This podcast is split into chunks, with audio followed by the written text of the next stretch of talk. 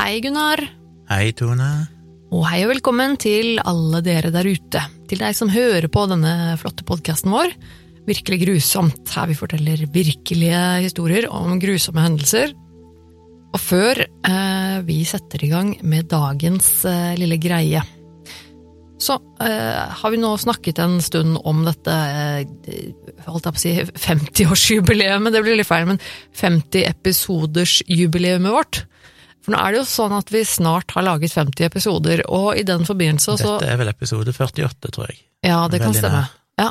Og da, i den forbindelse så tenkte jo vi å lage en, eh, en sånn gallup-opplegg eh, for dere der ute, sånn at dere kan stemme over hvilke episoder dere har likt best hittil, og så kan vi lage en liten eh, ja, oppsummeringsepisode hvor vi tar for oss litt En mindre minneepisode. Ja, rett og slett mimre litt over de eh, episodene som dere liker aller best.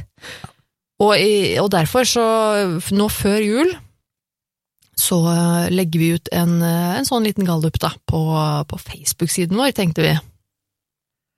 Ja. Så dere må gå inn, hvis ikke dere har gjort det allerede, på Facebook og finne Facebook-sida til Virkelig grusomt podkast, og følge den. Og så innen julaften så vil det dukke opp en post med muligheten til å stemme på din favorittepisode av de 49 som ville ha kommet. Eh, Fordi episode 49 kommer da rett over nyttår i gang, og så blir det da andre episoden i 2022, blir vel da jubileumsepisoden, nummer 50. Så Mm. dere får et par uker på dere til å stemme.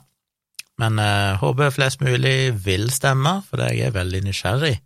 Ja, Jeg har noen sånne vage ideer eh, basert på feedback og folk jeg har snakka med, om kanskje hva for noen episoder som kan komme høyt opp.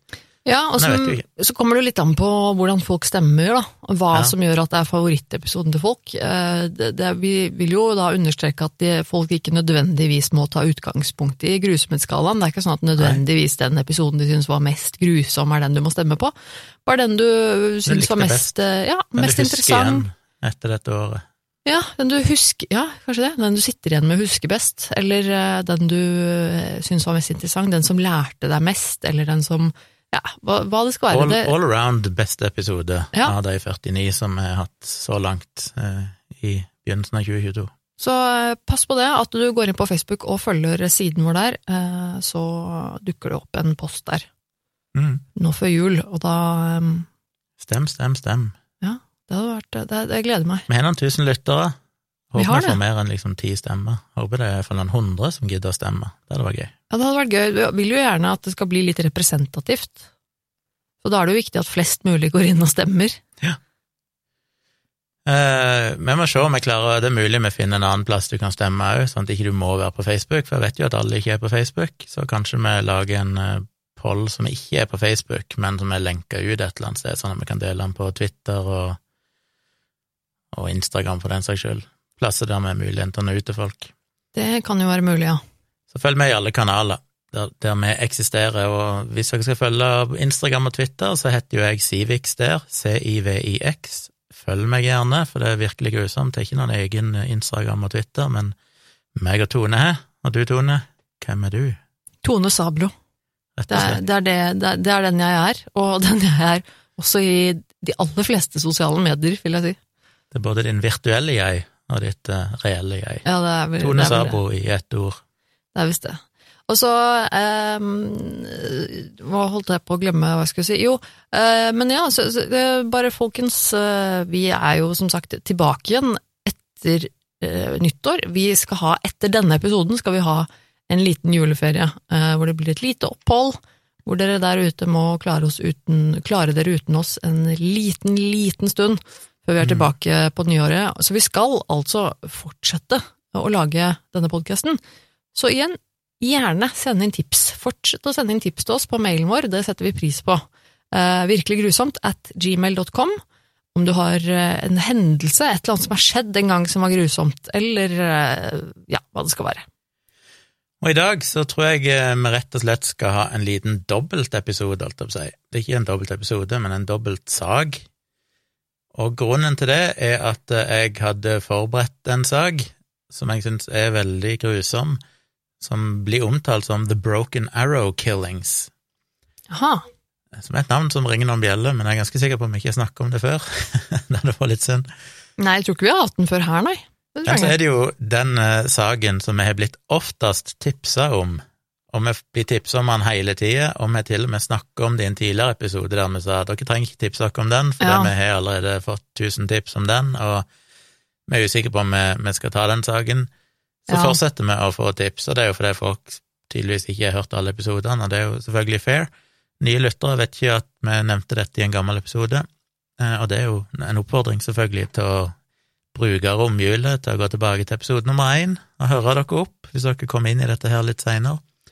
Det er noen, eh, noen perler, jeg tror faktisk kanskje noen av de som får mest stemme i noen av de tidlige episodene, Ah, det hadde vært gøy. så jeg absolutt anbefaler å gå tilbake til de tidlige episodene og høre dem. Men det er jo altså da drapet på den japanske jenta Junko Furuta.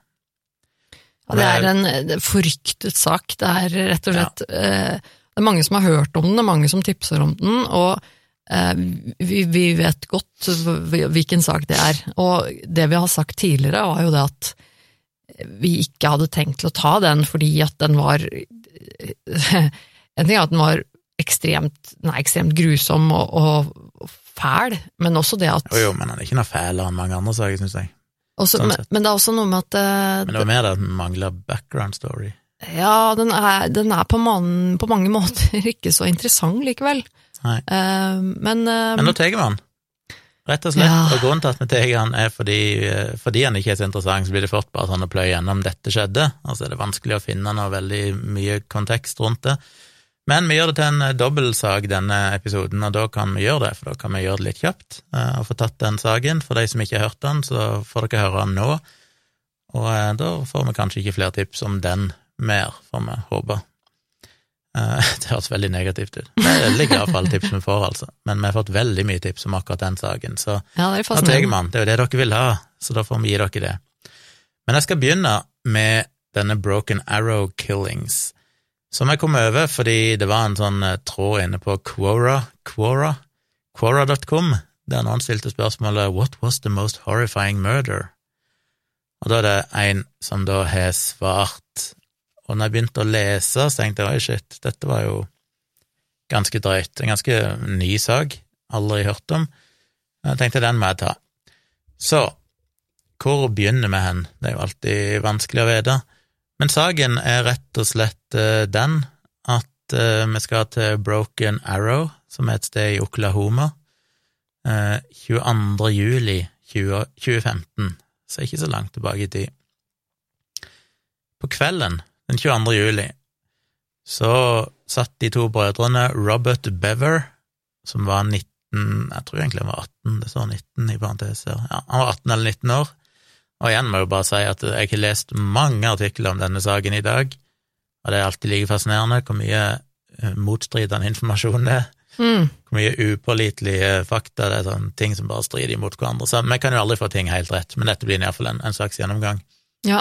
Eh, Robert Bever og Michael Bever, som var bare 16 år gammel, de satt oppe på rommet sitt med en datamaskin og dilla med et eller annet.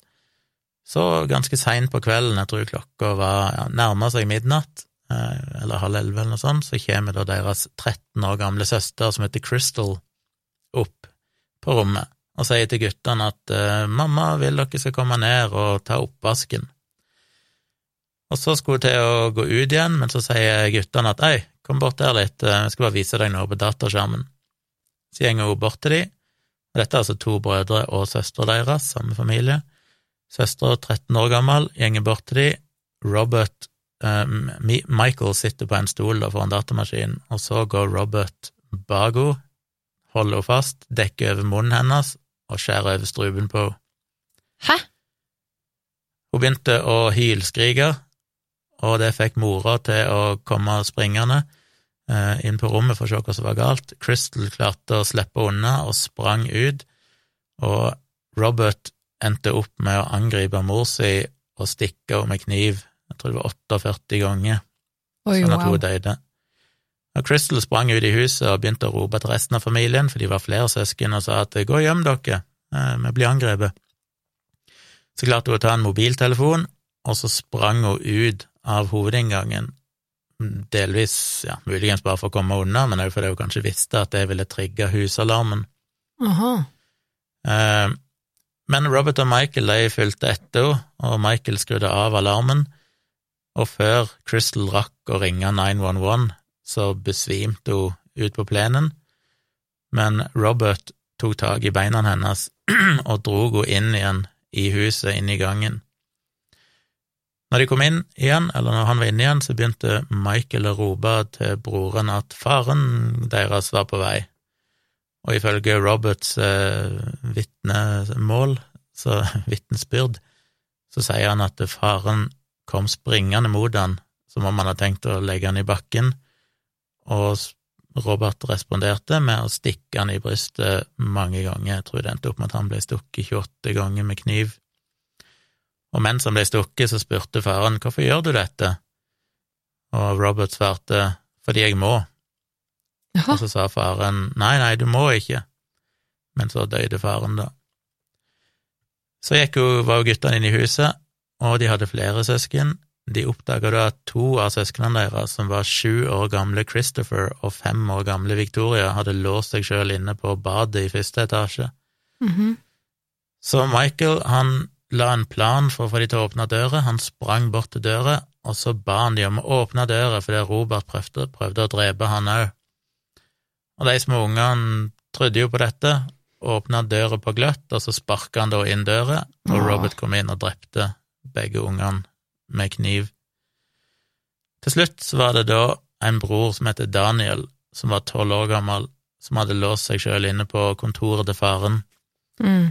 Han hadde klart å ringe 911 mens Oi. han var der inne, men mens han var på telefonen, så klarte Michael å lure han på samme måten. Han sa at Robert skulle drepe han, så han måtte åpne døra, og det gjorde han. Michael kom inn, og eh, ja, og da sa han vel ifølge et eller annet vitnemål, vitnesbyrd eh, til Robert at eh, he's all yours.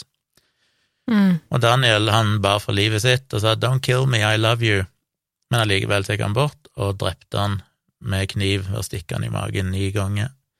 Ifølge 911-operatørene så sa de at de hørte jo Snakka jo med Daniel, som sa at det var eh, noen der, han klarte jo å gi adressen og sånne ting. Mm. Og så hørte de da plutselig en mannsstemme, som da var vel en av brødrene, og mye skriking og sånn, og så ble de disconnecta. Mm. Så var det jo en Hadde de én søsken til, og det var to år ei to år gammel søster, Oh. men hun sov oppe ja, i øverste etasje, og enten noen plasser står det at de egentlig bare glemte hun helt vekk. Eh, I andre historier så står det at eh, hun, de rett og slett ikke rakk det, Ja. fordi på det tidspunktet så kom politiet, og da politiet kom, så så de at det var litt blod ute på ja, i inngangsinnkjørselen der, som, Ja. som Crystal vel hadde falt, og så litt blod på trappa, og så hørte de noen som veldig sånn spakt sa 'help me' på innsida av døra, Oi. så de eh, sparka inn døra og kom seg inn, og fant jo da disse døde menneskene. De fant Crystal i gangen, liggende der, men hun var faktisk i live fortsatt. Det var hun første hun søsteren, ikke første sant? 13 år gamle søster som fikk strupen skåret over. Så hun levde, de fikk rusha henne ut med, til sykehus, og så begynte de å lete etter disse guttene. De guttene, brødrene, de hadde da sprunget ut ei bakdør og inn i en skog bak huset, men det tok ikke så veldig lang tid før politiet fikk tak på dem ved hjelp av en hundepatrulje. Mm. Um, ja, så egentlig en ganske kort uh, historie. Uh, spørsmålet som står igjen, er jo hvorfor i all verden gjorde de dette? For de endte jo tross alt opp med å drepe faren, altså. Han ble drept eh, som heter David Bever, Ja. 52 år gammel. Han ble drept med 28 knivstikk til overkroppen, ansikt, eh, hals, nakke og venstre arm og hånd. April Bever, som var 42, mora, Ja. som ble drept med mer enn 48 knivstikk, både i hode, nakke, overkropp, armer og hender, men òg med såkalla blunt force trauma, så de ble Ja. slått eller sparka eller et eller annet sånt. Daniel Bever, som var 12 altså, han ble drept av 21, står det her, knivstikk, sto 9 i den andre artikkelen, så der ser du. Ja. Um, blant annet i ryggen, skulder og bryst. Christopher Bever, som var bare sju år gammel, som ble drept av 21 eh, knivstikk i ryggen, bryst, skulder og et av beina. Og da fem år gamle Victoria Bever, som ble drept av 23 knivstikk på begge sidene av halsen, brystet, ryggen og ene overarmen. Wow. Crystal Bever, som altså var 13, hun ble jo da, fikk jo da struben skåret over, Mm. og hun fikk òg knivstikk i uh, mage og armer, men endte opp med å overleve, wow. selv om hun selvfølgelig var kritisk skada da hun kom på sykehuset. Men hun, men faktisk overlevde. Det er, ikke, sånn at hun døde på sykehuset? Nei, hun liksom. overlevde. Wow. Eh, Den yngste da, Autumn Bever, som var bare to år gammel, som lå og sov der oppe, hun var jo uskada, men Ja. de sa jo seinere at de hadde jo egentlig en plan om at de skulle gå opp og så hogge av hodet hennes med en øks. Wow. Det fikk de jo heldigvis aldri gjort. Og det er jo vondt å se sånn familiebilder der du ser alle, hele barneflokken, det er ett bilde iallfall, der liksom alle disse eh, sju ungene er samla på ett bilde, og så vet du liksom at eh, ja, alle disse Men hva skjedde? basically ble drept. Nei, så hva skjedde? Hvorfor i all verden klikka de var sånn? det av den disse kidsa? Hvor gammel var? Det var 16 og 16 18? og enten 18 eller 19, litt Ja. eh, avhengig av hvor du leser. Ja, okay, Så det var ganske store barn, da, holdt jeg på å si. Det er Ja. jo ganske forholdsvis voksne. Det er jo ungdommer, dette her. ja. Selvfølgelig så kom ikke dette ut av det blå. Det Nei. gjør det jo ikke. Eh, Dette viser seg jo da, seinere, at eh, dette var en litt spesiell familie. Ok. Uten at det står veldig tydende, tydelig noe plass, så oppfatter det vel som at de er nok ganske religiøse. Jeg tenkte, var... jo, jeg tenkte jo at det, det måtte det, det slo meg at det kanskje hadde noe At det var noe religiøsitet inni bildet ettersom de hadde så mange barn. Da, da Ja. tenker jeg, Det er det første jeg tenker på da, når, når man har så mange barn, så er det jo ofte, ikke alltid, men ofte er det jo religiøse mennesker eh, som, eh, som på en måte ønsker å ha så mange barn. Så jeg Ja. tenkte jo at det kanskje hadde noe med det å gjøre, men Ja, eh, nå har jo greia her er jo at dette var unger som hadde blitt uh, hatt hjemmeskole hele livet sitt. Ingen av de hadde gått på noen offentlig eller noen skole med andre. Okay. De hadde egentlig ingen venner utenfor huset, fordi foreldrene hindra de egentlig fra å være ute blant folk. Oi da. Det var ikke sånn at de var stengt inne, de kunne liksom være ute. De hadde, han ene, de eldste brødrene, hadde vel noen jobber og noen sånne ting, men, men så de var liksom ikke sperra inne som i kidnapp, holdt jeg eller sånn Nei, isolert. Men de hadde ikke omgang med ikke omgang med folk rundt, de ble liksom andre barn og- være med andre unger. Ja, Det er ganske alvorlig, bare det, altså. Og til og med sånn at når den saken kom ut, så var jo første gang mange av naboene fikk høre navnene deres. De var ingen oh, ja. som visste hva de hette, liksom, de som bodde der. Samtidig var det ingen som hadde lagt spesielt merke til dem. Det var liksom, det var ikke sånn folk var spesielt bekymra, tror jeg. Det var mer bare sånn at ja, de holder, Holder seg litt for seg selv, ja. Mm. Og så er det jo vanskelig å vite akkurat hva som er sant eh, og ikke, for dette er jo mye basert på, på vitnesbyrdene til de som overlevde, ja. Eh, og de er jo relativt unge. og Men de har ikke forklart seg selv, de to. Nei, Det viser jo da at de mener at eh, de har blitt behandla dårlig, at de var ugreie med ungene, at foreldrene kunne være til dels voldelige, selv om det er litt sånn uspesifisert hva det egentlig innebærer. Ok. Eh, De har blant annet sagt at det var eksempler der mora hadde slått til de så hardt at de fikk merke, eller en gang faren hadde dratt han ene gutten opp trappene opp på soverommet liksom, og låst han inne fordi han hadde glemt å slå av et lys, eller sånn. De var ganske sånn hard, streng disiplin. Ja. Og òg at de visstnok hadde sett faren mishandle mora. Det virker ikke som, det, det er liksom ikke noen historie om at dette skjer veldig ofte, men at de skal ha sett iallfall én gang at faren hadde slått mora eller kasta henne inn i veggen eller noe sånt. Så det var ja. ikke spesielt hyggelige foreldre, og kanskje enda verre, så hadde de inntrykk av at de var egentlig ikke noe interessert i unger. De var ikke noe glad i unger. De hadde kun fått unger for å få trygde, eller for å få penger, liksom. Oi. Eh, Barnetrygd og sånne ting. Uff. Så de drev hele tida og bare fikk flere unger, fordi det utløste mer barnetrygd. Oi. Så de følte Bare det at de sier det, tyder jo på at de tydeligvis ikke følte seg veldig elska. Nei. Og eh, tydeligvis har jeg skjønt liksom at eh, ok, vi er liksom bare her fordi Ja, de vil egentlig ikke ha oss, men eh, Wow. de har bare fått dere fordi det er økonomisk gunstig. Ah, Selv om det regnestykket syns jeg alltid er litt rart at det skal gå opp. men fy fader, så jævlig jeg ikke at det er greit, men så er det jo sånn at dette var heller ikke et drap, eller massedrap, som skjedde spontant. For det viser seg jo da at disse to brødrene hadde planlagt dette kanskje i mange år. Han eldste, som jeg tror egentlig bare var 18 år, eh, som var Robert, han eh, hadde vel lenge vært veldig sånn fascinert av seriemordere og sånn, som jo alle lytterne av denne podkasten Ja, så, som jeg også er. Det er lov Ja. i seg selv. Ikke noe galt med det. og var veldig opptatt av å, å liksom drepe folk. Og han har jo uttalt senere at han mente at det var for mange mennesker på jorda, og hvis han bare drepte mange nok, så ville han jo før eller senere drepe noen som var et forferdelig menneske, og da ville det være verdt det, liksom. Ja, ja. Han mente òg, og det var da dette eneste referansen jeg finner til en sånn kristendom, det at eh, de refererte òg til at eh, den bibelske dommedag, eller apokalypsen, var en sånn hevnaktig ting for alt de hata med verden.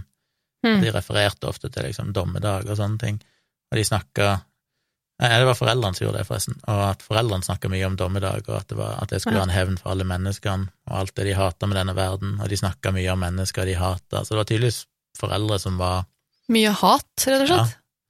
hatefulle og voldelige, eh, er liksom det som er, er det som er blitt sagt. Ja. Men de hadde altså planlagt dette lenge. Han, han, Robert fant jo da etter hvert ut at broren hans òg hadde en interesse for, eller hadde mye av det samme hatet. Eh, For opprinnelig så var det jo bare han eldste, tror jeg, som egentlig hadde tenkt å gjøre dette, men så oppdaga han at broren òg hadde jo mye av de samme tankene, så de fant jo sammen i det, og så begynte de sammen da å, å planlegge dette over lang tid. Det skulle egentlig skje eh, høsten før, jeg tror det var september året før, Mm. men så følte de seg vel ikke helt klar, så derfor ble det liksom utsatt. De hadde jo i mellomtid bestilt mye våpen og sånn, de hadde blant annet funnet ut at hvis de bestilte våpen på internett fikk det levert til en sånn lokal våpenbutikk, så kunne de omgå denne aldersgrensa på kjøp av våpen. Aha. Så de hadde jo kjøpt, eh, bestilt noen pistoler og noen rifler og sånne ting, og de hadde jo noen macheter og kniver og masse greier. Oi. Jeg har jo bestilt masse ammunisjon, og 3000 eh, eh, patroner eller noe sånt de hadde bestilt, som vel skulle, bli, som skulle ha blitt levert dagen før dette drapet skjedde, eller så drapene skjedde. Og planen, sa de da etter de ble tatt, var jo at de skulle eh, ta alle likene av familien sin, muligens kutte de opp, putte de i containere eller bokser og plassere de opp på loftet, og vaske huset og sånn, og så stjele bilen, eller ta bilen, og så kjøre av gårde, og så hadde de en mål, og her er jo spriker forskjellige artikler. Noen sier at de skulle drepe fem personer på ti forskjellige plasser, andre sier ti personer på ti forskjellige plasser. Oi. Så noen sier at målet var liksom å drepe minst 50, og noen sier minst 100 Ja. personer, og de mente de kunne gjøre det uten at eh, det ville bli oppdaga hvis de bare gikk rundt og drepte tilfeldige folk rundt forbi. ja. Og selvfølgelig var de jo inspirert av Columbine-massakren og sånne ting som folk ofte er når de unge folk ofte viser seg å være når de ender opp med å drepe mange personer på den måten. Andre plasser så står det at de hadde et håp om å klare å drepe mer enn 500 personer. Men relativt talentløst. Det, det som var et, en strek i regninga for dem, var jo, og det har vi jo hørt i andre historier òg, var at ja, men de døde ikke sånn som jeg hadde forventa. Mm. Altså det, det som ødela litt, var jo da at Crystal tydeligvis ikke døde med en gang, Mm. og at de ikke fikk drept han Daniel med en gang, at det at noen rakk å ringe 911. Mm. Eh, Undervurderte nok eh, både krefter og på en måte ressurser i folk som blir desperate. Ja. så tror jeg nok sikkert det er mye sånn film òg, for du ser, det er jo Crystal da som var problemet, for det, hun overlevde ikke, så hun rakk å advare familien sin, sånn at de rakk å gjemme seg, og dermed så rakk han Daniel å ringe 911 og sånn. Hadde ikke hun, hadde hun blitt drept, og de mente at de skulle klare å drepe henne uten at hun lagde en lyd ved å holde rundt munnen, skjære over strupen på, og så skulle det skje liksom helt lydløst. Mm. Og det tipper jeg òg er litt sånn inspirert av film, ikke sant? Sikkert sett, eh, noe de har sett på film, ja. folk bare blir kutta strupen, og så bare kollapser de igjen. Mm. Mens i realiteten så skjedde jo ikke det, og jeg vet ikke hvor mye strupe de skal røve, holdt jeg på å si, hvor, hvor skada hun ble akkurat der, men de prøvde iallfall å skjære over halsen. Men, men det er litt sånn fascinerende, den her ideen om at ja, men de døde jo ikke sånn som de skulle. Sånn, ja, hvordan tror du folk døde?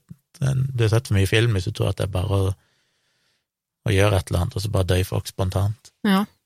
Og sikkert han strek i regningen at de måtte da knivstikke disse folkene både 20, 30, og 40 og 50 ganger, liksom, før de til slutt døde Mm. oppdaga at det er ikke så lett å, å drepe folk fort. Selvfølgelig ett velretta knivstikk kan drepe noen, men eh, hvis du bare hogger løs ganske sånn randomly, så, så kan det ta tid før de får blø. Så det var jo et uh, problem. Men det var helt åpenbart at dette var en gutter som ikke hadde det særlig bra. Mm. Og det minner jo litt om uh, den forrige historien vi fortalte, når vi jo snakket om dette her med mangel på empati og sånn, fordi det er jo litt sånn creepy bilder. Det er bilder av disse guttene etter at de er blitt tatt, og der de står med masse blod i ansiktet og sånn. Blod på klærne. Skitne, sikkert de blir tatt i skogen. Ja. Lagt i bakken og sånn, masse jord og sånn i trynet. Og han ene står og liksom smiler litt, og visstnok til og med under avhørene og sånn, når de skulle fortelle om det som hadde skjedd, så var det flere ganger de liksom bare brøyt ut i latter og, og lo og smilte av det de hadde gjort, og det var ingen form for anger eller Yes. noe problem liksom rundt det. Og det er ganske drøyt, for det er én ting å Altså, det er jo aldri, aldri forståelig, men hvis du er en person som går ut og dreper noen tilfeldige folk, eller til og med Columbine, hvis du dreper elever som du føler du hater fordi de har mobba deg, eller et eller annet sånt, men det å drepe liksom lillesøster og lillebror sin, og ikke føle noen ting rundt det Jeg mener, én ting var om de drepte foreldrene sine, som hadde mishandla de kanskje, eller iallfall ikke vært noen greie foreldre, Mm. men liksom søsknene, det fikk jeg aldri svar på i noen av artiklene jeg leste. Du kan kanskje forstå hvorfor de drepte foreldrene, Mm. men jeg finner ikke noe motiv for at de dreper sine små søsken. Jeg, også, jeg tenkte også på det, liksom. Hvorfor måtte søsknene dø? Det er jo, det er jo veldig, veldig brutalt, altså å drepe sine egne søsken, men, men det er vel kanskje Jeg vet ikke om eh,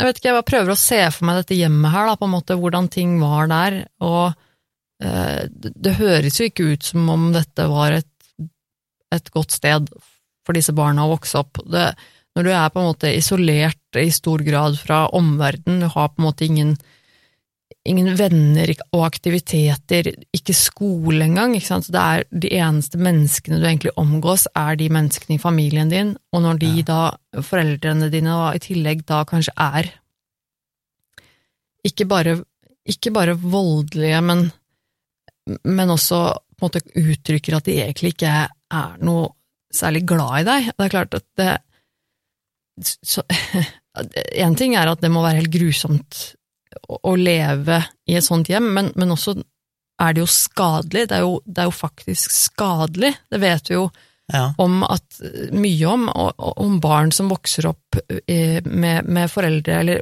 vokser opp i, i hjem hvor det er mye vold, eh, og ikke bare fysisk vold, men også psykisk vold, eller dette med at man har mangel på å bli sett og hørt, og mangel på å, å få behovene sine møtt av sine foreldre, og, og disse tingene her, det, har jo, det er jo ting som gjør store skader på barn. ja klart- empati, som jeg sa i forrige episode, Ja. når du i stor grad kanskje må lære, det er noe- du må oppleve for å forstå. Hvis du ikke har følt det i oppveksten, ikke følt kjærlighet og sånn, så er det klart at det kanskje ikke koster de noen ting å drepe søsknene sine, Ja, fordi og en ting de er ikke har forståelse av den lidelsen. Ja, empati, og også det med å liksom Det med å ha tilknytning, da. Det med, det med tilknytning til andre mennesker. Det å ha på en måte relasjoner og um, Det er jo helt essensielt. Og det er jo noe vi får fra foreldrene våre ikke sant, når vi er små. Så kan det jo være de var, nå vet jeg ikke hvordan økonomien var da, men siden de var opptatt av å få denne barnetrygde, så kan det jo være at de ikke hadde verdens beste økonomi. Jeg vet heller ikke hvordan huset var, hvor trangbodd det var, men vi vet jo det sånn eh, gjennom kriminologisk forskning så vet vi jo godt at både trangboddhet og, Mm. og låg, dårlig økonomi er jo ting som øker risikoen for vold og, drap ekstremt mye, og overgrep og sånne ting. Mm. Eh, og det trenger ikke være en faktor her, men noe av grunnen til at eksempel trangboddhet øker risikoen for vold og sånn, det er vel rett og slett bare at det fører til mye mer stress og konflikter. Ja. Og det kan, jeg, kan jo kanskje være en grunn til at de drepte søsknene sine, for det er hvis du da er til en viss grad holdt så å si, går seg isolert i et hus med ikke var det sju, var det ni stykk totalt? Fem, seks, sju, åtte, ni Ja, ni stykk. Ni stykk i et hus. Du skal ha ganske stort hus før det ikke blir trangt. ja. Og da kan du fort utvikle en sånn kanskje irrasjonell irritasjon som utvikler seg til hat mot folk som egentlig ikke har gjort noe galt, de er helt Ja. uskyldige, men du blir, det bare, du blir bare kronisk stressa over at du aldri har tid for deg sjøl. Ja, for det skal du si også, liksom i forbindelse med det med å, med å på en måte vokse opp i et sånt hjem og med søsken og sånn, det er jo nettopp det også at at de da eh, Altså, For én ting er jo det å, å lære om på en måte tilknytning og hvordan man forholder seg til andre mennesker, og på en måte være et emosjonelt, holdt jeg på å si, sunt menneske eh, overfor de rundt deg og familien og foreldre og alt det der, men, eh, men også er det jo eh, Jeg vet ikke, altså alle vi som har søsken, vet vel det at man går i perioder, spesielt i tenårene og yngre, og man virkelig synes at søsknene sine er noe av de dummeste, mest irriterende drittungene som fins, ikke sant? Jeg også Ja. eh, husker jo det fra da jeg vokste opp med eldre søsken, at jeg kunne jo synes at eh, brødrene mine var eh, de mest duste menneskene i verden, selv om jeg jo selvfølgelig var glad i dem, ikke sant? Men jeg, men jeg vokste jo opp i et sånn sett, holdt jeg på å si, normalt hjem, da, i gåseøynene, hva man nå enn det skal være, men, men det er liksom sånn, i dette tilfellet her, så kan jeg tenke meg at eh, hvor du da både har veldig mange søsken, hvor man da kanskje er veldig tett oppå hverandre, og man i tillegg da har eh, rett og slett ikke lært, egentlig, kanskje, mye av Nei, hvordan altså, man er forskjellen er at folk og flest, uansett hvor mye du irriterer deg på søsken, så har du venner, du har skole, du har masse fri, Ja. frisone store deler av dagen, så er du ikke med søsknene dine. Så alt dette her, Hvis du så, derimot er med de 24 timer i døgnet, så kan du multiplisere den irritasjonen med ganske mye. ja, så jeg kan tenke meg at det da hadde kanskje resultert i at de, de kanskje ikke var så veldig glad i søsknene sine. Eh, Det, det kan jo hende, det. Vanskelig å vite alle detaljene igjen, for det, en vet ikke så mye, men de endte iallfall opp da med å Rettssaken starta jo omtrent et år etterpå, og så var det jo igjen en sånn debatt omkring han yngste da han på 16, skulle han bli dømt som en voksen eller som en ungdom? Hadde de begge liksom fysisk eh, Ja, begge hadde vel fysisk drept noen. Ja. Eh, Så jeg er litt usikker, men jeg mener at opprinnelig så tror jeg begge av de eh, erklærte seg ikke skyldige, som jo er ganske fascinerende.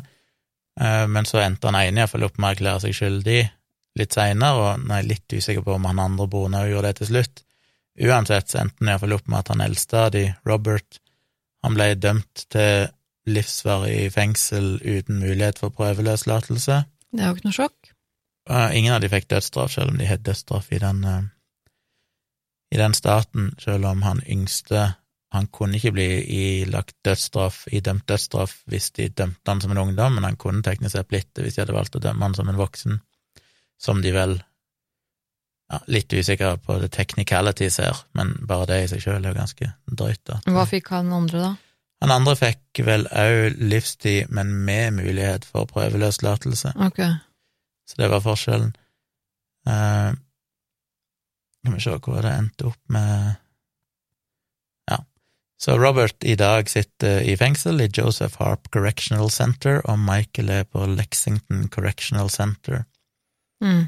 Og de skal jo da sitte inne veldig lenge Ja. før de får mulighet. Jeg tror han ene, han som fikk mulighet til prøveløslatelse, jeg tror han er, jeg skjønte, som er han vel 57 år gammel før han første gang kan Oi. søke om prøveløslatelse, så det er jo Ah. ikke så greit. Så det er jo en sånn merkelig sak, jeg synes den er så brutal. Den dreper fem personer, der alle, ikke alle, men tre av de fem er små barn. Planlegger å drepe en, en eh, sjette, som da er en baby. Mm. Bare sånn helt tilsynelatende nesten ut av det blå. De hadde jo sånn tydeligvis- De hadde jo tydeligvis gått og tenkt på det her i et års tid, da. Ja, de hadde jo Og planlagt det, og sikkert, sikkert eh, liksom fått tid til å liksom dykke litt ordentlig ned i det, holdt jeg på å si. Altså sånn, og jeg, jeg vet ikke, hvis du, hvis du går i så lang tid da, med en plan om å eh, drepe folk rundt deg, altså liksom nå dere skal dø, eh, så tenker jeg at det må jo må, må jo sikkert også på et vis holdt jeg på å si, hjelpe dem med å, med å liksom på en måte koble fra dem emosjonelt. Altså sånn når du går og mentalt Ja, forbereder eh, deg selv.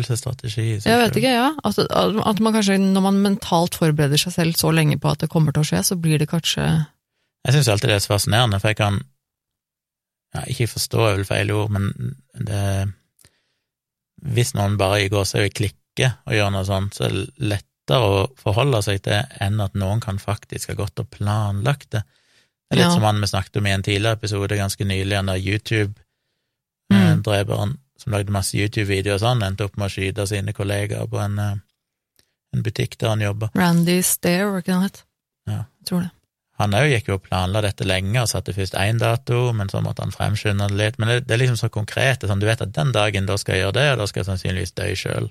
Ja. Han hadde jo ikke disse to noen planer om selvmord, så vidt jeg vet.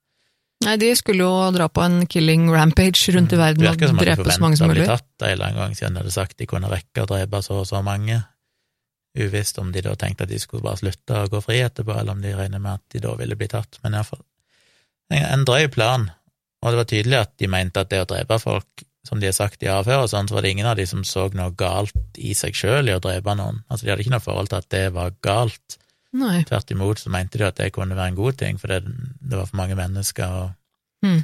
og hvis de drepte nok, så drepte de sikkert noen som fortjente det òg, og det var liksom Det rettferdiggjorde det, så Men eh, Robert, han endte jo opp da i 6. juli 2016, som vel var like etter han havna i fengsel.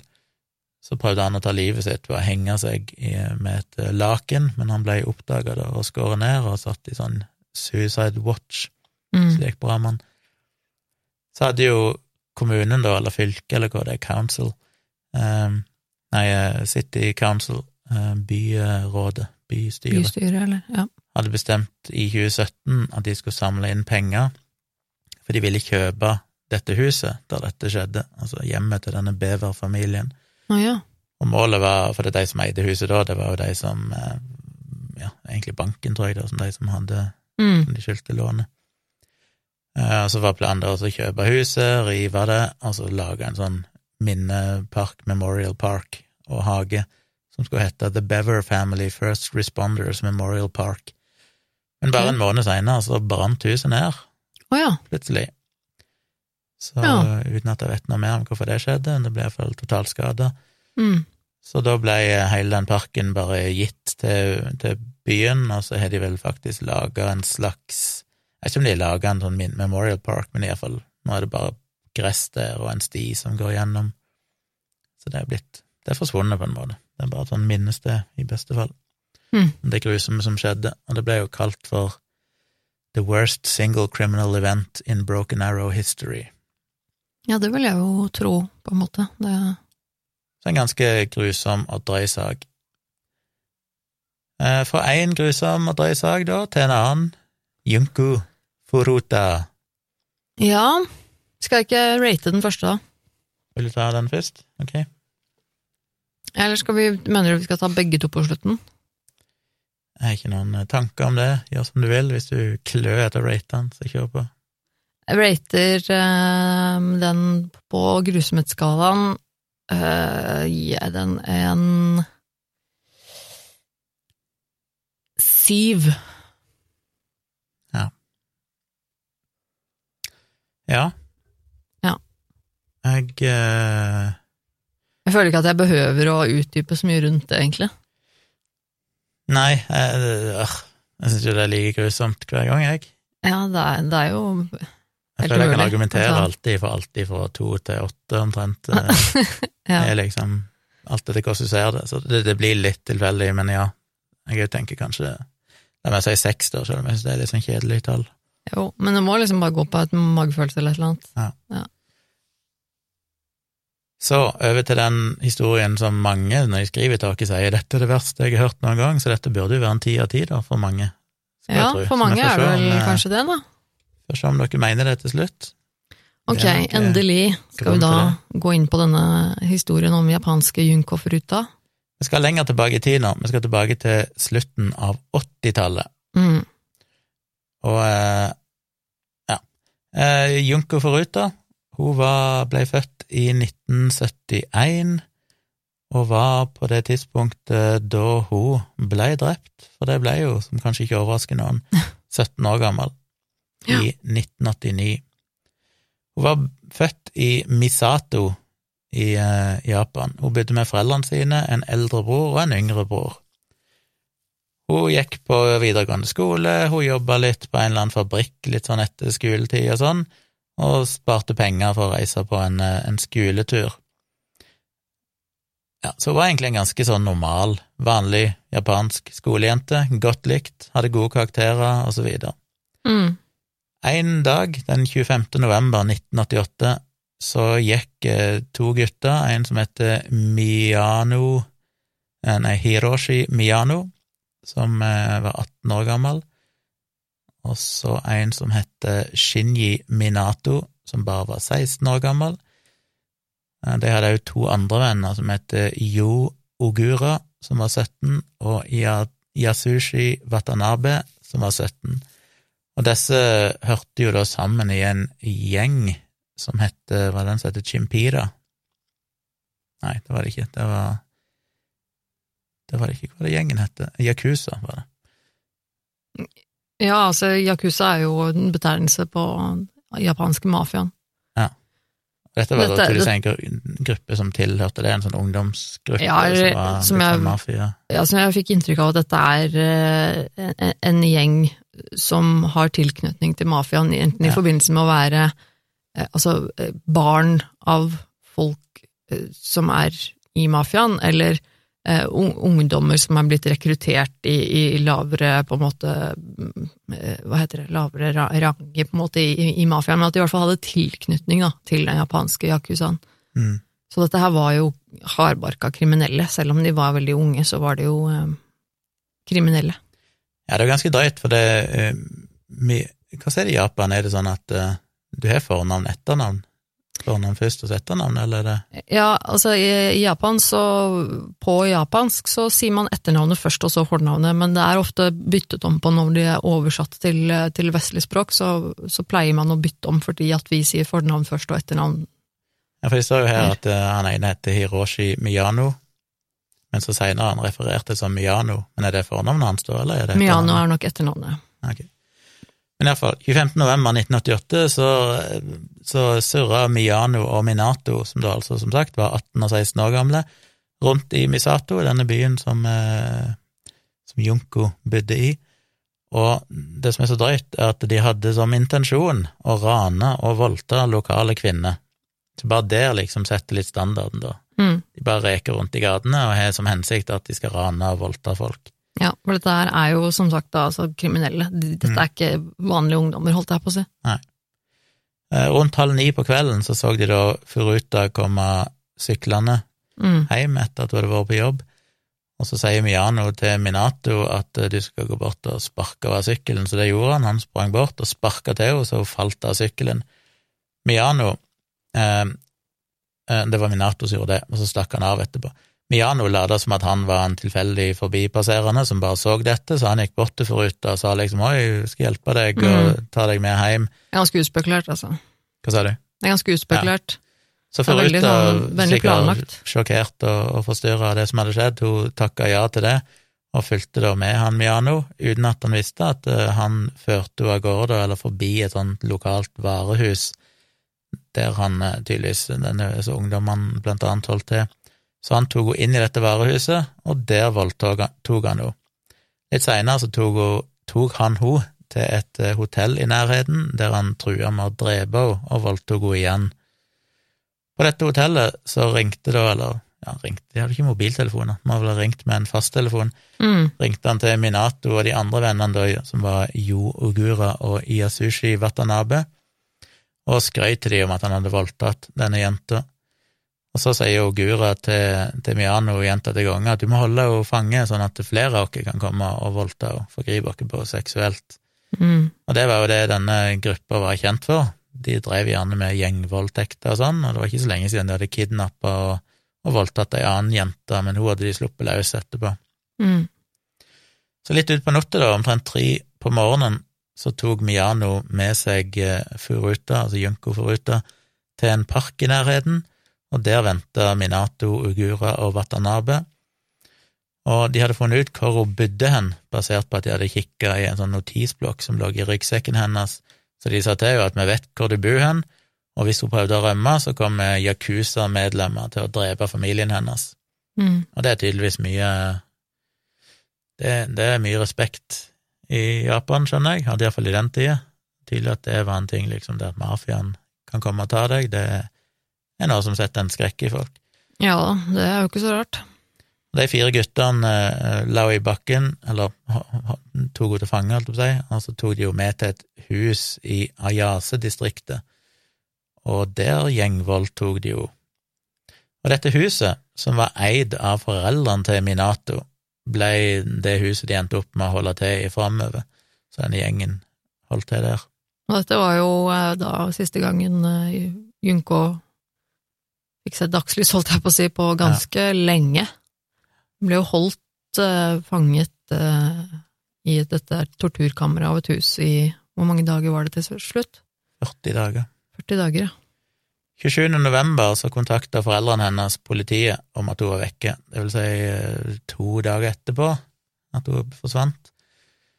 Men eh, for at ikke foreldrene og politiet skulle egentlig etterforske dette mer, så tok disse guttene og tvang eh, Junko til å ringe mora og sa at hun hadde bare stukket av frivillig, men hun var trygg, og hun hang med noen venner og bodde hos noen venner. Og så fikk de òg forruta til å si at eh, ikke, ikke, for noen, eller, ikke for politiet til å undersøke dette her noe mer, for jeg har det bra. Mm. Og så er det en ting jeg ikke helt skjønte, men der sier de at eh, det ser ut som at de møtte foreldrene til Eller han ene gutten hadde med seg forruta på besøk hos foreldrene sine. Nei, det var vel fordi de var i det huset, ja. Så foreldrene var jo faktisk i huset, de òg, som er ganske drøyt. De var i huset til Minato. Ja, ja, ja, foreldre, de holdt til. ja, foreldrene til Minato. Ja, så når foreldrene var hjemme, så bare presenterte han Furuta som eh, kjæresten sin, at det var hun som var på besøk, eller hun som var der. Ja. Jeg vet ikke om de jeg, jeg vet ikke om de var der hele tiden, de foreldrene. Jeg fikk jo litt inntrykk av at, eh, at, eh, at de nok Nå kan jeg hende jeg husker feil, altså det er en stund siden jeg på en måte leste denne saken her, men eh, sånn jeg forsto det, så var dette et hus som, som de gutta stort sett fikk gjøre hva de ville, og at foreldrene ikke var til stede der hele tiden. Nei, det er ikke sikkert de bodde der Eh, fast, men de ja. var nå iallfall der tydeligvis en Ja, del. for, for jeg tror det, det kan godt hende at dette huset var At det var em, em, foreldrene som eide det huset, men sånn jeg skjønte det, så hadde de da på en måte flere Sikkert flere eiendommer, muligens. Mm. Sånn at de Og, og det er jo ikke helt ukjent da i, i sånne type miljøer at uh, ungdom de får liksom gjøre hva de vil, og de at foreldrene òg helt sikkert er in- in- involvert i yakuzaen her, sånn at de heller kanskje ikke har så mye Ja, de var ikke det, for at, uh, da, hvis foreldrene dukka opp, så later han først som at Furuta var kjæresten sin, men etter hvert så oppdager de at foreldrene hans kom ikke til å rapportere det til politiet, og da slutta de å late som at hun var kjæresten, så da ble det sånn vel egentlig ganske tydelig, og foreldrene burde visst at de rett og slett hadde kidnappa og holdt henne til fange. Ja. Men eh, foreldrene har senere sagt at de gjorde ingenting med det, for de var, visste at han Miano hadde da koblinger til denne yakuzaen, Ja, sånn og var var veldig redde for hevn ifra dem, Mm, eh, og fordi deres egen sønn var blitt mer og mer voldelig mot dem. mm, Så i ren frykt både for sønnen sin og mafiaen, så gjorde de ingenting, som er ganske drøyt, at Ja. de holder en tenåringsjente fanga, som vel må ha båret preg etter hvert av det, ja, og så bare går de ikke til politiet fordi at de liksom frykter for sin egen sikkerhet. Men det var det jeg var innom i stad, og det sier jo litt om den frykten og den makten det faktisk er, når du er så redd for mafiaen. Ja, det er klart og det er jo det er jo, ja, og det er jo, det er jo folk Altså, vi vet jo mye om eh, mafiaen eh, fra flere typer land, ikke sant? Og det er jo klart at dette her er jo mennesker som som, som bare driter i hvem du er. Det er. det klassiske sånn. 'kill your family'. Det er sånn, Du kan tåle at de dreper deg, men det er nesten verre hvis de skal gå etter ungene dine. Ja, eller... men, men det er jo klart at de da, sant, når de vet at denne ene kiden her, han har han er eh, en del av mafiamiljøet, og vår egen sønn henger med han og har begynt å bli veldig voldelig mot oss, og, vi, og de, foreldrene skjønner jo da at ok, dette her, nå har sønnen vår involvert seg i mafiavirksomhet, og de vet jo da at eh, hvis de prøver seg på noe da, så er det over og det er klart at eh, åh, det må være forferdelig. Så de holdt henne da fanga i dette huset i 40 dager, og mens de holdt henne fanga, så banka de henne opp, de voldtok henne, og de torturerte henne gjentatte ganger. Ja, og det er jo de, dette her som gjør at det er mange som har eh, nevnt denne saken som den mest grusomme, er jo på grunn av alle de tingene som de gutta gjorde med henne. Mm. Og jeg må jo si at det, det, det er jo også noe av det jævligste jeg har eh, lest om også, eh, og mye av det de utsatte henne for, eh, og hvordan hun da måtte ha eh, har, har vært, hvilken tilstand hun måtte ha vært på slutten da, når hun døde. Hun ja, Det er nesten ikke til å fatte og begripe. Altså Det de gjorde, var at de da blant annet barberte av henne alt kjønnshår. De tvang henne til å danse til musikk mens hun var naken, og hun måtte masturbere foran de. De etterlot henne av og til ute på balkongen midt på natta, nesten uten klede. De tvang ting inn i vaginaen og anus, blant annet en tent fyrstikk, en metallstang, en flaske. De tvang henne til å drikke store mengder alkohol, melk og vann. Hun ble jo tvunget til å røyke mange sigaretter på en gang, altså holde en bunt med sigaretter og inhalere det, Mm. og òg inhalere sånn eh, malingstynner, hva heter det, paint Ja. thinner. Ja. Eh, på et tidspunkt så tok Miano og brant henne gjentatte ganger på bein og armer med lightervæske, eller sånn tennvæske. Mm, altså de helte tennvæske på henne og satt Ja. fyr på henne, rett og slett. Og dette var jo da som sagt i slutten av november hun ble kidnappa. Når du kom til slutten av desember, altså etter omtrent 30 dager, så var hun så alvorlig feilernært. Hun hadde jo bare fått bitte grann mat, og etter hvert egentlig bare melk, det var det eneste de ga henne. Hun hadde jo alvorlige skader, hun hadde brannsår som var blitt infiserte. Til slutt så klarte hun ikke å gå ned til toalettet nede, så hun endte opp med å bare bli liggende på gulvet i Minato sitt rom totalt utmatta uten egentlig kunne bevege seg. Og da blir liggende altså i sitt eget eh, ekskrementer, ikke sant. Hun, hun er jo helt ødelagt. Det, det er jo helt eh, sinnssykt. Hun endra jo òg utseende, naturlig nok, for hun ble jo slått og, og torturert hele tida, så hoved nei, ansiktet var jo ekstremt oppsvolma. Det Mm. var vanskelig å kjenne henne igjen i det hele tatt. Hadde de ikke Kroppen barbert hennes- av henne håret på hodet hennes også? På Det et er eller annet mulig det sto tidspunkt? bare kjønnsår her, men det er godt mulig. Jeg lurer på om du gjorde det. Hun var jo rett og slett eh, Ja, eh, hun var ikke i stand til å bevege seg, og hun begynte etter hvert å lukte Ja. råttent, som gjorde at guttene ikke lenger hadde noe seksuell interesse av henne. Altså, bare tenk deg det, i, i det hele tatt. Altså, hun er fortsatt levende, men hun begynner på en måte å og kroppen Altså hennes begynner å, sår, ikke sant. Det Ja, jo infisert, og, og eh, kroppen hennes bryter ned sakte, men sikkert så mye at måte hun, hun faktisk begynner å lukte råttent. Altså, det er Mm. bare helt uh, sinnssykt. Og siden guttene ikke lenger kunne voldta henne fordi de hadde ikke noe interesse hun var ikke noe tiltrekkende lenger i den tilstanden hun var, så endte de opp med å heller kidnappe og gjengvoldta ei annen 19 år gammel jente, som òg var på vei hjem fra, fra jobben sin. 4. januar 1989 så spilte disse guttene mahjong, eh, og da, eller kvelden før hadde de spilt Mayong, og Miano hadde da tapt, så han fant ut at han ville ta ut aggresjonen sin på Furuta. Mm. Så han og vet ikke om alle de andre var med, men iallfall en av de andre var med, gikk opp. De tømte igjen lightervæske, eller sånn tennvæske, på armene, på lårene, på ansiktet, på magen, og satte fyr på henne. Hun prøvde jo desperat å slokke brannen, men gradvis ble hun mer og mer eh, sånn, ja, svimeslått, holdt jeg på å si. Mm. Eh, De fortsatte å bare slå henne. De tente et lys og lot varm stearin dryppe ned på ansiktet hennes. De plasserte to korte lysestaker på øyelokkene hennes som de satte fyr på, og tvang henne til å drikke sin egen urin. Og etter hvert så ble hun utsatt for så mye vold og ble sparka, så så kollapsa hun over et sånt stereoanlegg som lå der, og gikk inn i spasma, egentlig.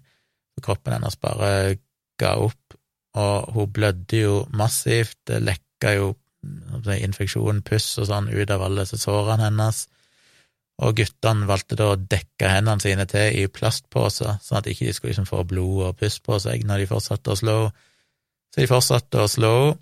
De slapp blant annet en sånn svær, tung metallkule, sånn treningsvekt, på magen hennes flere ganger, og holdt på med dette da i, i rundt to timer før Furuta til slutt kollapsa og døde.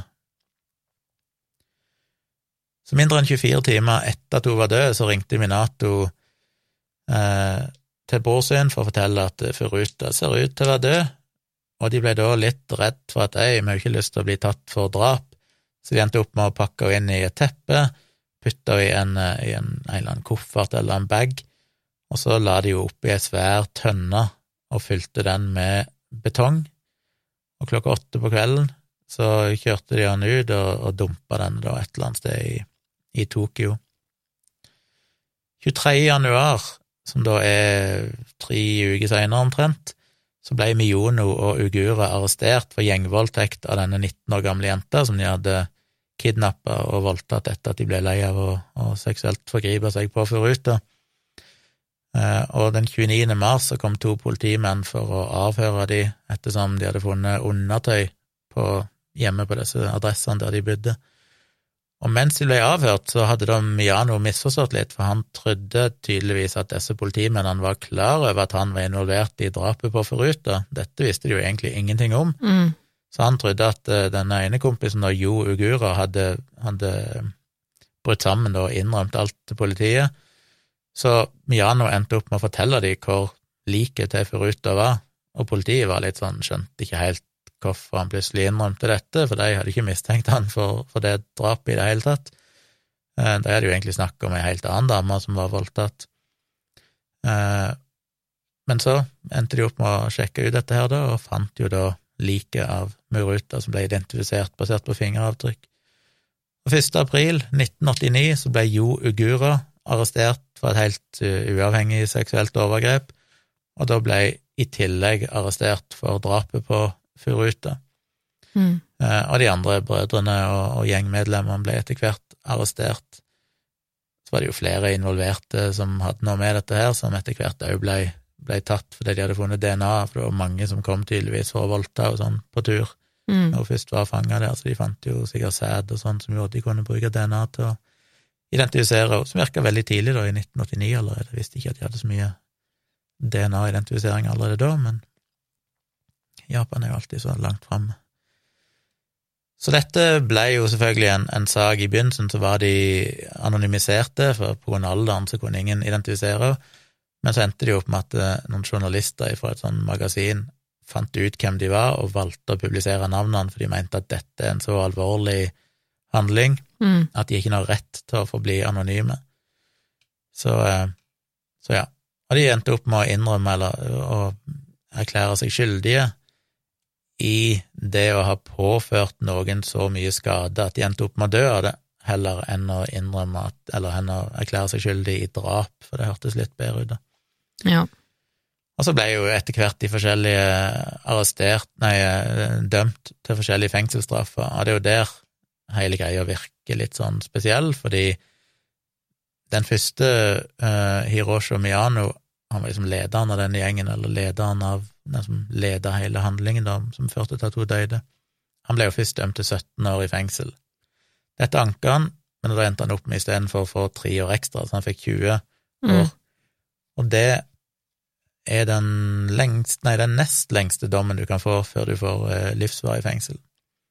Han var 18 da dette skjedde, og mora endte opp med å betale ganske mye penger, jeg tror bortimot 4-5 millioner kroner, det tilsvarer det vel, i erstatning til, til sikkert familien til Furuka. Mm.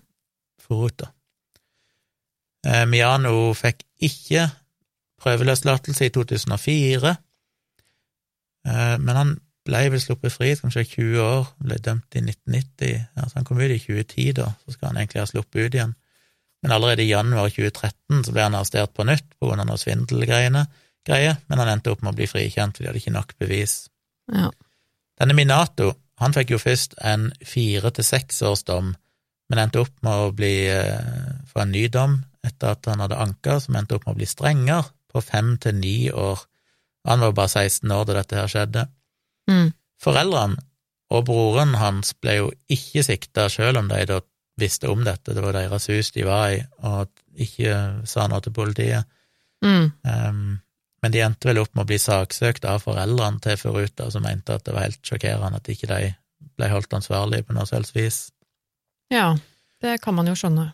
Etter at Minato hadde sona dommen sin ferdig, så flytta han inn med mor si, men i 2018 så ble han arrestert igjen for å ha prøvd å drepe en eller annen eh, dude etter å ha ja, slått han med metallstang og, og prøvd å kutte strupen hans, en 32 år gammel mann. Så åpenbart ikke mors beste barn, disse folkene. Nei, det er jo ikke det. Watanabe han fikk opprinnelig bare tre til fire år i fengsel, men eh, anka og endte opp med å få fem til sju år. Han var da 17 år da Furuta døde, eller ble drept. Like gammel som henne. Jo Ugura han fikk først åtte år i et sånn ungdomsfengsel før han ble løslatt i 2004. Han var 17 da dette drapet skjedde. Etter at han ble løssluppet, så endra han navn til familienavnet Kamisaku, eh, og så drev han jo og skrøyta i ettertid av at han hadde vært medvirka i denne kidnappinga voldtekten og torturen av Furuta. Mm. Men i 2004 så ble han arrestert på nytt for å ha angrepet en fyr som heter Takatoshi Isono, fordi han trodde han var sjalu, da, trodde at eh, dama hans hadde hatt en eller annen affære med han. Så han klarte da å spore han opp og banke han opp og putte han i, i bilen sin og kjørte han av gårde et eller annet sted der han banka han opp i timevis, trua med å drepe han og sa at han hadde drept før. Han visste hvordan han skulle slippe unna med det, Mm. som er kanskje litt drøyt ettersom han hadde satt i fengsel for et drap. Eh, Men da endte han jo opp med å få sju nye år i fengsel for å ha angrepet denne Isono, men han er nå løslatt igjen. Mm. Mora til Ugura gikk jo faktisk og vandaliserte graven til Furuta fordi han mente at hun hadde ødelagt livet til sønnen hennes. Ja, det altså er altså så twisted. Da, det er, da er du Ja, men jeg Ja. Eh, I tillegg så klarte jo Gura da å bruke opp alle sparepengene til faren på å kjøpe masse luksusvarer og sånne ting, og det var jo egentlig penger som han skulle ha betalt i erstatning til familien til Furuta, men det fikk han vel ikke gjort da, for han var blakk. Mm. Og generelt sett så mener jo folk at de dommene var altfor milde. Jeg mener han hovedpersonen fikk jo da 20 år til slutt, som jo er en streng straff, Ja. men de andre fikk jo alle under ti år, de fikk alltid fra tre til ja, Jeg vet ikke hvor lenge de satt inne i praksis, men tre til ni år for det de gjorde. Ja. Det må han vel, selv om jeg som sagt ikke er noen stor tilhenger av fengsel og sånn, så er det milde straffer. På den annen side sett var jo dette unge gutter, og det er klart en kan alltid stille seg spørsmålet med er det så hensiktsmessig å putte de i fengsel, eller burde de ja. fått en annen reaksjon? Men det er det, ikke sant. Det er både det med at de er veldig unge, men også det at eh, nå, nå vet ikke jeg Jeg har ikke satt meg inn i så, så detaljert inn i den saken, eller rettssaken, men jeg vet ikke hvor mye beviser de faktisk hadde på på dem, Eh, og det, det er jo ofte en ting som også spiller inn, ikke sant? Fordi at for å kunne dømme noen, så må du jo ha beviser for det. Så jeg vet ikke om hvor mye de hadde å gå på av beviser, og så eh, liksom eh, og, og hva de faktisk ble dømt for. Altså, en, en ting er å det er bli jo det at de ble for ikke teknisk sett dømt for drap. Nei, ikke sant, for én ting er å bli dømt for drap, men hvis de blir dømt, dømt for medvirkning, eller, Ja. eller eh, altså det å holde noen fanget, for eksempel, eller sånne ting, så er jo ikke det i seg selv dom, dom, dommer som vil gi like strenge straffer. Så vet jeg ikke Så- de De hadde jo tydeligvis bevis på voldtekt, så vil jeg anta, siden de iallfall fant DNA-bevis. Det er klart, Mm. teknisk sett så kan du ikke vite om du har voldtekt eller samtykkende sex, men eh, gitt omstendighetene så skal det vel mye til for å Ja. argumentere for at det ikke var voldtekt. Nei, så det er jo litt sånne ting som, så er det jo den som man kan torturen og kidnapping, så det er klart du kan putte mange ting oppå hverandre som en skulle tro Mm. allikevel burde bli kanskje strengere straffer, men eh, Men jeg vil jo tro at, det, at de var så unge også hadde noe med det å gjøre. Ja, nok det, for han eldste fikk jo tross alt den strengeste straffen, som var 20 år, og det er jo en, en streng straff. Men alle er jo, så vidt jeg har skjønt, frie mennesker i dag, og så vidt jeg vet, lever fortsatt. Ja, jeg kan jo ikke tenke meg at de eh, er blitt noe flotte verdensborgere, holdt jeg på å si. Eh, Nei. jeg, jeg tenker jo at det, det som er veldig vanskelig også med sånne type saker, og, og mennesker som er i den type miljøer, liksom at de eh, At det, sjansen for å rehabilitere sånne mennesker tror jeg er ganske liten. For det er er de jo jo vokst opp med kriminalitet, Ja, ja. vokst opp med, i, i mafiaen. Ja, Det er vokst opp med med. med familiemedlemmer og andre rundt seg som på en måte er medlem i mafiaen, og som da på en måte Hvor de da fra tidlig alder har blitt eh, holdt jeg på å si, indoktrinert da, i, i hvordan man er slemme med folk. Altså det, det er jo folk Ja. som ikke har hens, tar hensyn til andres liv på en sånn eh, måte som de fleste andre gjør. Og så er det jo eh, for folk som er holdt jeg på å si, født og oppvokst i et kriminelt miljø, så er det jo ikke nødvendigvis alltid en straff å havne i fengsel.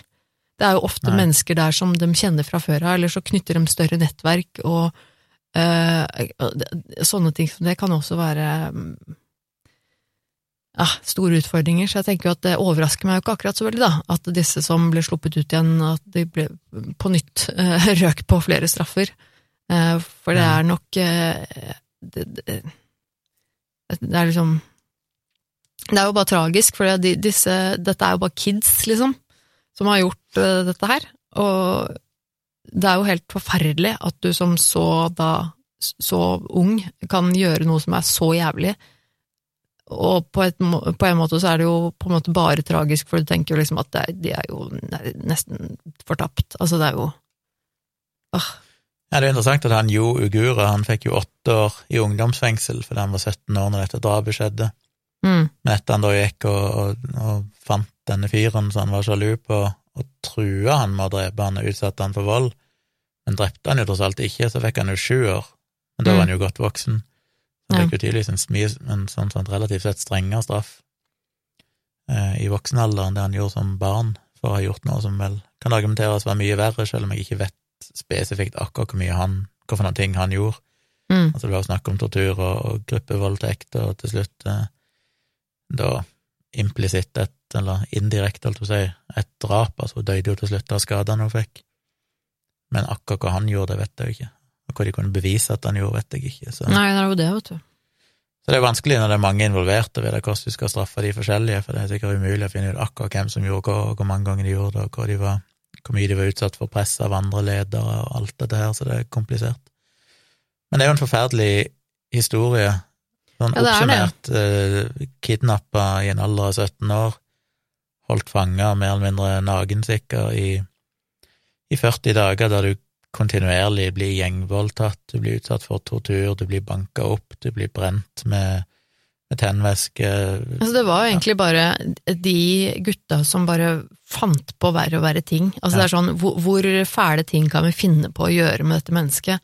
Eh, Det var bare fantasien som satte grenser for eh, hva de utsatte henne for. mm, Og det er jo eh, jeg- tenker jo at som menneske så er vel det eh, jeg kan egentlig ikke se for meg noe verre skjebne, på en måte, enn det hun led. Nei. Altså det å bare eh, så lenge på en måte bli torturert på den måten der, til du bare ikke klarer mer, til kroppen din rett og slett bare eh, gir opp å leve fordi den er så skadet. Og det, det er ja, helt utsulta, full av infeksjon. Ja, det er, det er så drøyt. Eh, og, og det er liksom du, du kan jo tenke at ja, på mange måter så er det jo kanskje ikke så mye drøyere enn en noen andre av de sakene vi har snakket om i denne podkasten og sånn, men, um, men noe som på en måte gjør det litt verre for min del, og er jo eh, ja, på, et vis det med at, eh, at det ehm, det var så Du blir liksom sittende igjen med sånn Ja, men, men but why? Altså sånn For at disse, disse kidsa som dreiv med dette her, det, det er jo kriminelle som gjør dette her for moro skyld.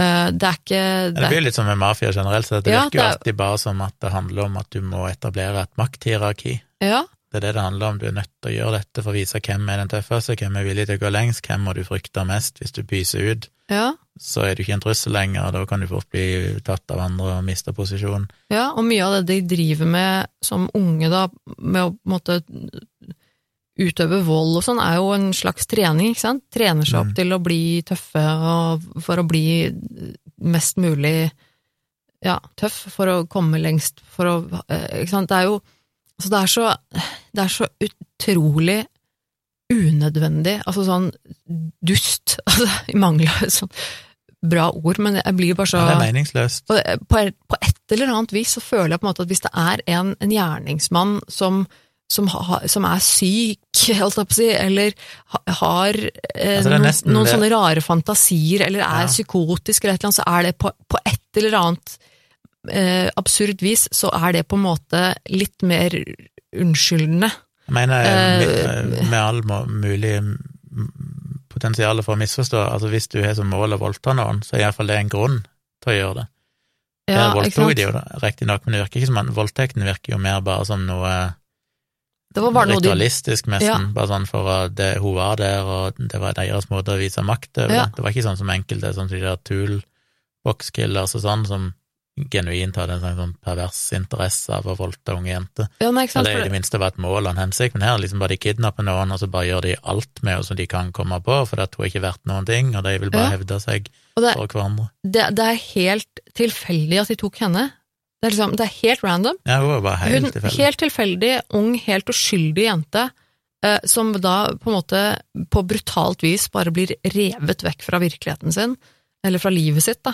Eh, og, og, så, så i utgangspunktet så hun har jo ikke gjort noen ting galt, ikke sant. Hun har jo ikke vært noe eh, Det er jo ikke noen grunn til at det skulle skje med henne. Det er her er bare folka som eh, som bare sånn, nei, vi, vi, ta, vi bare tar en person. Altså, ja, det her gjelder jo for så vidt de fleste sakene vi snakker om, er det jo helt random uskyldige folk, da, selvfølgelig, men, men og så er det noe med at de eh, Ja, i mangel av på en måte en bedre måte å si det på, de hadde liksom ikke noe grunn til å gjøre det.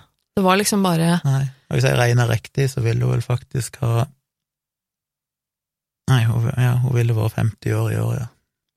Hvis hun hadde overlevd. Ja. Så det er liksom De, de gjorde det bare for moro skyld, eh, fordi at de skulle eh, hevde seg for hverandre, eller vise at de var tøffe, eller eh, Ja, hvem vet. Eh, og det- er eh, Det er bare så ondskapsfullt og brutalt på så ekstreme måter, føler jeg. Eh, og så er det jo selvfølgelig noe med den derre Ja, selvfølgelig. Altså, det hun ble utsatt for. Det er Det ligner jo på noen andre enkelte saker også, som vi har tatt opp her. Som er ting som ofte Sånne ting havner høyt opp på min skala, i hvert fall, for det eh, Det er så jævlig at det, det kan ikke eh, Kan ikke forstå det på noe som helst vis. Nei, det er jo helt umulig å sette seg inn i hvordan et menneske kan påføre andre mennesker den type skade uten at det liksom Det, og det er til og med når jeg sitter her og prøver å liksom Hvis jeg sitter og prøver å være eh, eh, Hva skal jeg si hvis jeg, hvis jeg prøver å være sadistisk og eh, jævlig eh, person, og på en måte skal sette meg inn i deres eh, sko og tenke sånn Hva for noe mer er det vi kunne gjort med henne? Nei, det er ikke noe. Det er ikke noe mer du kunne gjort med den. Du gjorde absolutt alt du kunne Kan gjort. trekke ut negler, kan Altså, trekke ut tennene Nei, altså, det er sånn- Det er liksom Nei, den ene saken der de gravde ut øynene hennes med skei. Jeg følte jo nesten det faktisk var hakket verre igjen, Ja, vi, vi, kanskje. mens hun var levende. Men eh, Nei, altså jeg, jeg tenker at det, er, det er ikke mye de kunne ha funnet på som de Men ikke det er jo gjorde. alltid et aspekt som jeg har vært innom, og som alltid er innom, at det selvfølgelig er trist òg på vegne av de gjerningspersonene. Det Ja, det er unge folk. De har jo alle en, en fortid med at, som sagt, som en del av denne gjengen og sånn, så drev de jo med væskenapping, de drev og utpressing mot folk, og de voldtok jo stadig vekk, tydeligvis.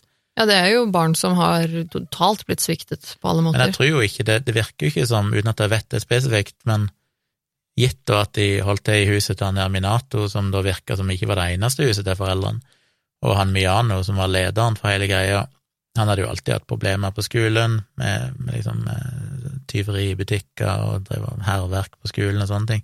Ja. Men han ble jo plassert i en privatskole i Tokyo i 1986, og bare det får meg til å tenke at foreldrene hans kanskje ikke nødvendigvis hadde for lite penger. Det er Nei. ikke folk som har vokst opp i fattigdom og vanskelige kår nødvendigvis, det er mer det at de Ja, gudene vet hva det Men er. jeg tenker jo heller ikke på altså, folk som er i yakuza eller mafia, er jo ikke nødvendigvis folk som er fattige. Nei, så det det er er iallfall et viktig aspekt å få med, da. Det er jo ikke Ja. folk som er vokst opp i fattigdom og sånn, men det er mer bare at de er i et nett. Altså, det er mafiaen Mm. som kan være folk med, med godt med penger, men det er liksom bare Livsstilen er kriminalitet, og det er ikke mye Ja, det er, Det er mye frykt, og det er mye makthierarki, og da blir du fanga i det. mm. Og er du liksom feig, er du svak, så er det såpass skummelt at du ja, du må liksom hele tida hevde deg. Du må overgå din forrige Eller overgå dine andre gjengmedlemmer i å være jævligst mulig hele tida. Ja, og ikke at det er noen unnskyldning, men jeg tror, jeg tror på ingen som helst måte disse barna hadde noe valg. Jeg kan ikke tenke meg at de jeg, jeg kan ikke tenke meg at de hadde noe valg på et eller annet tidspunkt, at de, at de liksom valgte å bli med i en gjeng Nei. Eh, Jeg kan ikke tenke meg at det, at det var noe sånt. Jeg tenker jo at det er det jo det dette er jo du da er den sikkert svake, og det betyr at du blir utsatt for vold, så er det Ja. klart at det er ikke mye valg du har, på en måte. Du Nei, og når, når du har vokst vokst må- opp i det, når, du har, når det er det eneste du kjenner til, så er det klart at da, da er det det eneste du kjenner til. Og jeg sier ikke at det er noe unnskyldning, selvfølgelig, men, men, er, men du kan sånn sett tenke at det er eh, tragisk, fordi at dette er barn da som Det er jævlig vanskelig, for det er jo sånn, litt sånn som foreldrene hans, da. Hvis en av de gjengmedlemmene, eller en av de fire da, som var hovedansvarlig i dette, hadde sagt at oi, eller hadde liksom følt på noen moralske kvaler og sagt at dette jeg må gå til politiet, mm, så kan du nok være ganske sikker på at du blir drept. mm, Og det, det er liksom hvem er hvem En ting som voksen så vil det være et nesten umulig valg, mm, men tenk når du er et barn, og mm, tenker at du vet, du har sikkert sett det før, folk blir drept, du vet hva konsekvensene er. Det er, det er nesten sånn at de føler at det, det blir feil å straffe dem. Det er på grensa til at sånn, hvordan kan du utsette noen Altså, de har jo ikke et reelt valg på mange måter. Nei, nei, det er Samtidig ganske så må absurd. du straffe dem. Ja. Men det kan jo du argumentere litt for kanskje at de fikk lavere straffer, selv om jeg tror ikke nødvendigvis det spilt inn i dommen, men, men jeg syns jo bare folk må ta inn over seg at det er jo en, en situasjon der du nesten ikke kan snakke om at folk har et fritt valg lenger, og ikke er ansvarlig for sine handlinger. Ja, det, er, det, er nesten, det er nesten på grensen, ja. Det, det, er, eh, det, er litt, det er litt absurd, altså. Ja, det er jo problemet alltid med sånn gjengmiljø og sånn, at eh, hevnen og risikoen ved å liksom være den feige eller tyste på andre sånn, er jo så ekstrem at du Ja, egentlig kan- ikke nødvendigvis har noe valg. Jeg kan tenke meg at disse foreldrene, da, til han Min- Minato, var det ikke det, Mm. eh, eh, som eide dette huset, og som da sikkert visste ganske mye om hva som foregikk der etter hvert. Eh, det kan jo godt hende at de skjønte hva som var greia med Junko og, og, og så videre, men at de da for eksempel ikke gikk til politiet. Da kan du tenke at men hvorfor i all verden gikk ikke de til politiet, ikke sant? Men vet du, det kan jeg faktisk skjønne at ikke de turte. Og der er det og der er det også ganske Der tenker jeg at der er det nok ganske komplisert med tanke på at sønnen deres er involvert i det. Mm. Um, både for, overfor politiet, for da, for da Tenk deg som forelder, da, så vil du tenke ok, men nå er sønnen min fucked. Hvis jeg, hvis jeg, hvis jeg sier noe om dette her, så er sønnen min fucked. Hvis jeg går til politiet, så er sønnen min fucked fordi at han blir tatt av politiet, fordi at han er med på dette her. Eller hvis du sladrer til politiet, så eh, blir sønnen min kanskje fucked av mafiaen, fordi at jeg, det er vi som er hans foreldre. Og hvis mafiaen da får vite at vi har sladret til politiet, så vil de nok godt kunne det, ta det utover sønnen også, ikke sant? Ja, Og og si at- Ja, og, og de, ikke minst. Ikke Og ikke bare deg, men hvis de har andre unger eller Ja. andre familier, så vet de at jo- det kan gå utover deg òg. Og det er sånn, hvordan kan du gjøre noe sånn hvis du regner med at kanskje en eller annen familiemedlem eh, som er helt uskyldig, ja, kan ende opp med å bli drept eller banka opp, så er det jo selvfølgelig igjen vanskelig å si at du har et fritt valg lenger, da. Ja, og det er liksom eh, I hvilken, I hvilken virkelighet har du da egentlig noe som helst sjanse for å for eksempel redde Junko for Rutas liv? Det var jo ikke sånn at de egentlig reelt sett kunne redde Altså, jeg Nei, det er en grunn til at det er et tema i mange filmer, dette med mafia, for det er jo nettopp den der situasjonen som er, du blir Har du en tilfeldig jævlig person, så kan du ofte løse det hvis du bare får varsla politiet, eller, ikke sant, Mm. eller varsla noen andre. Med en gang du har et nettverk av kriminalitet involvert, så er plutselig ikke det en utvei lenger, for at konsekvensene av det kan være verre enn å bare bli drept sjøl. Og det er klart at det er jo det letteste for, for de to da, foreldrene i en sånn situasjon, tenker jeg at det letteste for dem, det må jo være å bare snu hodet og tenke at ok, vi, vi kan ikke gjøre noe med dette her. Nei, de visste jo selvfølgelig ikke på det tidspunktet at hun kom til å dø, og det er jo ikke Nei, men de altså, selv om de hadde visst det, da, selv om de hadde visst alt som Ja. foregikk, på en måte, så tenker jeg at det, er jo nesten umenneskelig å skulle forvente at, dem, at de gjør noe annet enn å holde kjeft, på en måte. Bare for å gå tilbake igjen til den første saken, Ja. og jeg glemte jeg å si at eh, hun søstera, hun Crystal, hun som overlevde av de søsknene, Hun som ble skjært over strupen på Ja. ja. hun hadde jo faktisk hørt brødrene sine snakke om det lenge, da, de, og tror jeg visste jo at de samla på våpen, hun hadde jo sagt det til mora, men mora oh. hadde jo bare avfeid det med sånn ja ja, boys will be boys, liksom, litt sånn. Og det er litt sånn jeg tenker her òg, om de foreldrene, om de i det hele tatt skjønte hva som foregikk med, f- Mm. eh, med Furuta, eller om de bare tenkte at Ja, jeg vet ikke hva de tenkte, men det er ikke sikkert de visste. Samtidig det er Nei, klart at det hun det, det er jo rart at ikke de skulle vite at hun var der så lenge, og at ikke de så henne på noe tidspunkt der hun nok åpenbart var vansiret. Men gudene vet, jentene iallfall opp med, så vidt jeg skjønte, ikke bli straffa, faktisk. Ja. eh, selv om de fikk et privat søksmål mot seg, som de vel eh, endte opp med å måtte betale. Men, men ja, så det var i hvert fall historien om Junko Furuta. Ja. Så da kan vi slette 300 mailer om eh, det tipset. 300 mailer. Det var ikke så ille, kanskje, men Neida, det er en veldig interessant historie, så det var vel eh, sikkert viktig at vi tok den, men nå er den iallfall tatt. Ja, og i grusomhetens navn, så sånn sett måtte den jo på en måte med. Ja. Men eh, jeg vil jo um, jeg, jeg, tror jeg vil gi den rett og slett ti av ti. Både fordi jeg Litt sånn fordi at det må på en måte på plass, på et vis. Men eh, jeg tenker jo også at én ting er jo hva de gjorde med Furuta, um, og det er helt forferdelig som sagt noe av det verste jeg kunne tenkt meg å bli utsatt for. Men jeg tenker jo også at dette er jo ikke første gangen de har gjort det. Nei, det Og heller ikke siste, ikke sant? Så, så her er jo litt sånn spørsmålet mitt litt sånn, uh, ja men ok, hvor mange andre jenter, kvinner, barn, whatever, ble faktisk utsatt for dette her eller lignende som vi ikke vet Mm. om, av de samme folka? Ja. For det, jeg kan ikke på noe som helst tro at, på måte tro at, at, at Junko Furuta var den, den første eller siste. Nei, altså når han eh, Miano ble tatt og endte opp med å, å si liksom hvor Furuta sin, sitt lik var, fordi han trodde at han der Mm. Ogura Da var jo egentlig politiet ute etter å avhøre han om en helt annen sak, med ei dame og hennes syv år gamle sønn som hadde forsvunnet ni dager tidligere, og den Ja. saken er fortsatt uløst. Ikke sant? Så det er nok Ja, det er jo helt, eh, helt åpenbart at dette her er jo såpass store nettverk med så hardbarka, kriminelle, grusomme folk at Junko kan ikke ha vært verken første eller siste. Så, og derfor også så vil jeg gi dette ti av ti, fordi at det her er en så, eh, så gjennomsyra jævelskap. Um, Jeg vil faktisk, nå husker ikke jeg, jeg holdt på å si, hvis det er noen, eh, noen dedikerte, virkelig grusomt fans der ute, som har lyst til å sette seg ned og så lage en oversikt over hvorfor noen eh, grusomhetsrangeringer vi har gitt i enkelte episodene. oi, ja.